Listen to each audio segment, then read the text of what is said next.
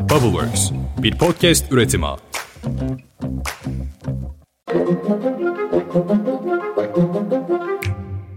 Merhaba, nasıl da hafta sonu? Siz dursanız dünya durmuyor işte. 5 dakikada dünya gündemine hoş geldiniz. Bugün 5 Aralık 2022, ben Özlem Gürses. Yeni bir haftada kulaklarınızda yine haberler.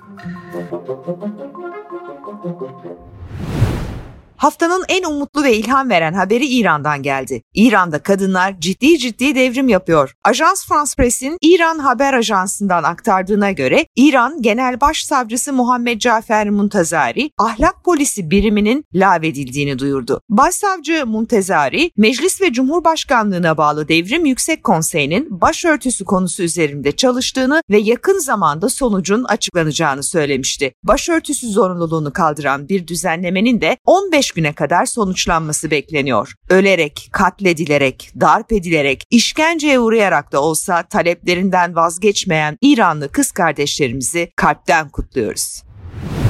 Aynı coğrafyada Suriye'ye bakalım şimdi. Suriye'de ekonomik kriz protestoları hız kesmiyor. Eylemciler bu kez de valilik binasını bastı. Süveyda kentinde kötüleşen ekonomik koşulları protesto eden eylemciler Suriye Devlet Başkanı Esad karşıtı sloganlar attı. Valilik binasının bazı kısımlarının ateşe verildiği belirtiliyor.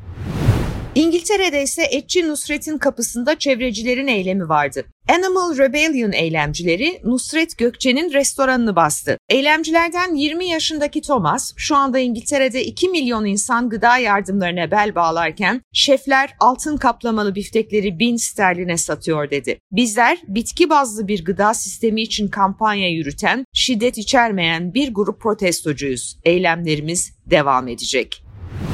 2022 FIFA Dünya Kupası'nda Arjantin Avustralya'yı 2-1 yendi ve adını çeyrek finale yazdırdı. Arjantin'in golleri 35. dakikada Lionel Messi ve 58. dakikada Julian Alvarez'den geldi. Avustralya karşısında fileleri havalandıran Messi, Dünya Kupalarındaki gol sayısını 9'a yükseltti. Messi bu skorla şampiyonada 8 golü bulunan Arjantin efsanesi Maradona'yı da geride bıraktı. Bu arada tüm boykotlara ve ağır eleştirilere rağmen Dünya Kupası Katar'a yaramış. Katar Sivil Havacılık Otoritesi kupanın ilk haftasında ülkedeki havalimanlarında 7000'den fazla uçuş gerçekleştirildiğini bildirdi. İran, ülkenin güneybatısındaki Huzistan eyaletinde 300 megawatt kapasiteli yeni bir nükleer enerji santralinin inşasına başladı. Basınçlı su reaktörü sistemiyle çalışacak santralin inşasının yaklaşık 8 yıl süreceği ve 2 milyar dolara mal olacağı belirtiliyor. Santral %4 saflığa kadar zenginleştirilmiş uranyumla çalışacak.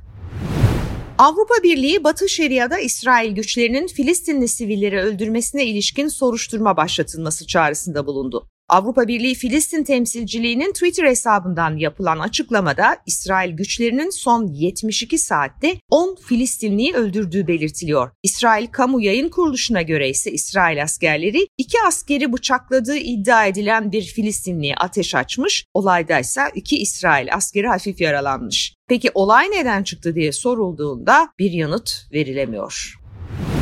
Bu arada İsrail Başbakanı Netanyahu, Amerikalı gazeteci Barry Weiss'a konuk olduğu bir programda Cumhurbaşkanı Erdoğan'la ilişkileri üzerine açıklamalarda bulundu. Gazeteci Weiss, Erdoğan gibi kişilerle gruplandırılıyorsunuz. Sizi otoriter liderlerle gruplandıran belki de 100 makale okumuşumdur deyince Netanyahu, evet biraz çocukça. Bakın yıllarca Erdoğan'ın en yakın arkadaşı Barack Obama'ydı. Çok yakın dostlardı. Sanırım bu da Erdoğan daha fazla gazeteciyi hapse attıktan ve Türkiye'yi standartların altında bir demokrasiye çevirdikten sonra değişti. Bizim ilişkilerimiz ise iyiye gitti. Bana eskiden her 6 saatte bir Hitler derdi, şimdi ise son derece olumlu bir diyalogumuz var diye yanıtladı.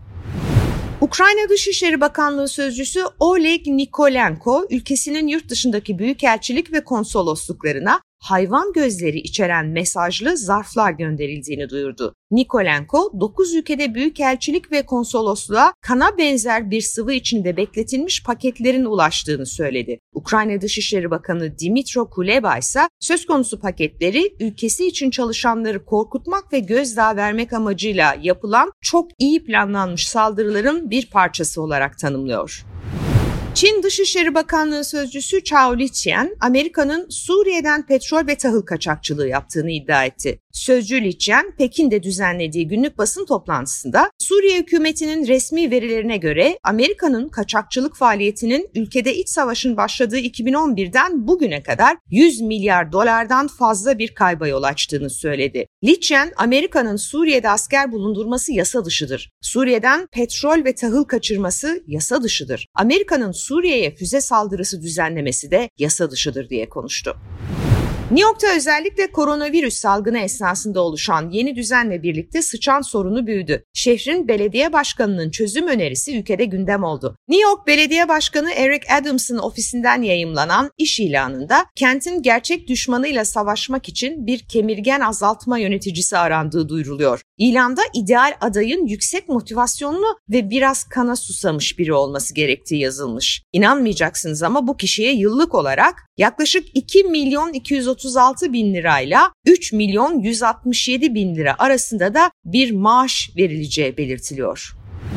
İngiltere'de ambulansların hastanelere taşıdığı hastalar acil servislerin önünde bekletiliyor mu? Son bir haftalık verilere göre 11 bin ambulans hastalarını hastaneye götürdükten sonra en az bir saat kuyrukta kalmış. Bekletmenin sebebinin yatak ve personel sıkıntısı olduğu belirtiliyor. Ambulans işçileri uzun çalışma koşulları, yetersiz ücretler ve emeklilik hakları için greve hazırlanıyor. Twitter'ın yeni sahibi Elon Musk, şirketin Jack Dorsey liderliğindeki eski yönetiminin 2020 başkanlık seçimleri öncesinde Joe Biden'ın oğlu Hunter Biden'la ilgili çıkan haberleri sansürlediğini söyledi ve bu bilgilere yönelik tüm belgeleri de ifşa etti. İfşaların ardından Beyaz Saray henüz bir açıklama yapmadı. Elon Musk Twitter hesabından gazeteci Matt Taibbi'nin Twitter dosyaları isimli tweet serisini takipçileriyle paylaştı. Biden, başkanlık kampanyası sırasında uyuşturucu bağımlısı ve çocuk tacizcisi oğlu Hunter'ın haberleriyle uzun süre gündemde kalmıştı. Ancak haberler belli medya grupları ve sosyal medyadan kaldırılmıştı. Bugünlük bu kadar. Yarın sabah erken saatte yine kulaklarınızda olacağım. Görüşmek üzere, hoşçakalın.